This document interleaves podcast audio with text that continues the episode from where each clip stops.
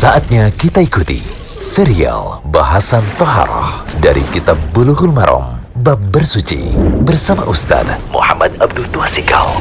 Alhamdulillah, wassalatu wassalamu ala rasulillah wa ala alihi wa sahbihi wasallam. Kali ini kita berada di audio ke-39 dari kitab Bulughul Maram, kitab Toharoh, masih tentang pembatal wudhu. Kita bahas hadis ke-75. Ini tentang makan daging unta apakah membatalkan wudhu ataukah tidak. Nah, sebagian orang mungkin tidak tahu kalau makan daging unta itu membatalkan wudhu. Kita lihat hadisnya dari Jabir bin Samurah radhiyallahu anhuma. Anna rajulan sa'alan Nabiya sallallahu alaihi wasallam atawadda'u min luhumil ghanam. Qal in syi'ta. Qal atawadda'u min luhumil ibil. Qal na'am. Akhrajahu Muslimun. Dari Jabir bin Samurah radhiyallahu anhu, seorang laki-laki bertanya kepada Nabi sallallahu alaihi wasallam begini, apakah aku harus berwudu setelah makan daging kambing?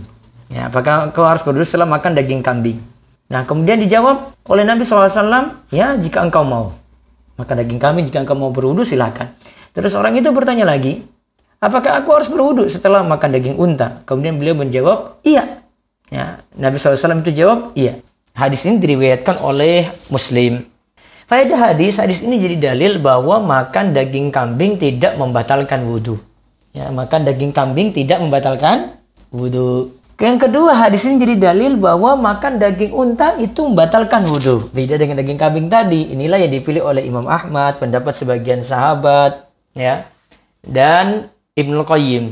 Bahkan Imam Nawawi dari kalangan Syafi'iyah memilih juga pendapat ini.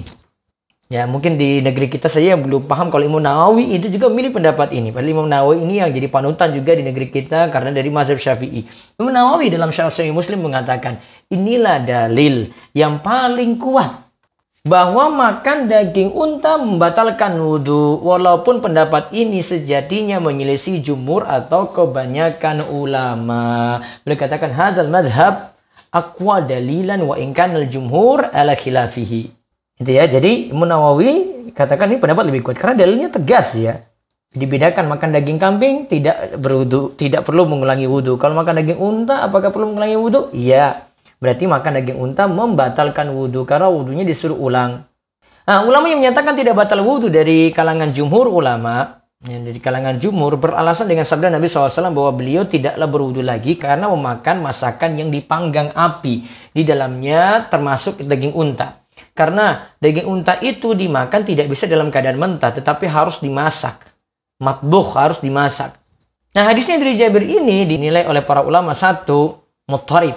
Masuk golongan hadis taif. Yang kedua, hadis ini kalaupun sahih tidak bisa dijadikan dalil. Karena daging unta tidaklah jadi sebab wudhu. Karena daging unta tidaklah jadi sebab wudhu.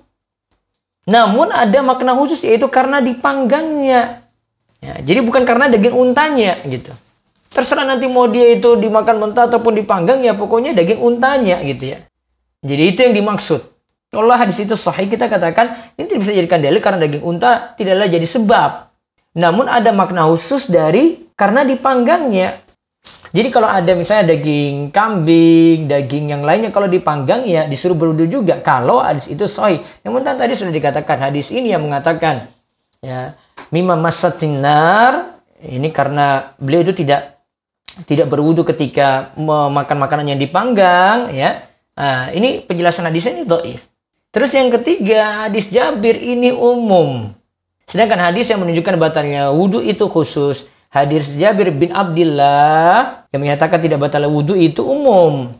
Nah itu dikhususkan dengan hadis Jabir bin Samurah sedangkan hadis Jabir bin Samurah yang kita bahas kali ini yang menunjukkan batalnya wudhu itu khusus. Maka yang khusus lebih kita menangkan daripada yang umum tadi. Jadi dikeluarkan dari yang umum ini ada hadis khusus yang menunjukkan kalau makan daging unta itu membatalkan wudhu.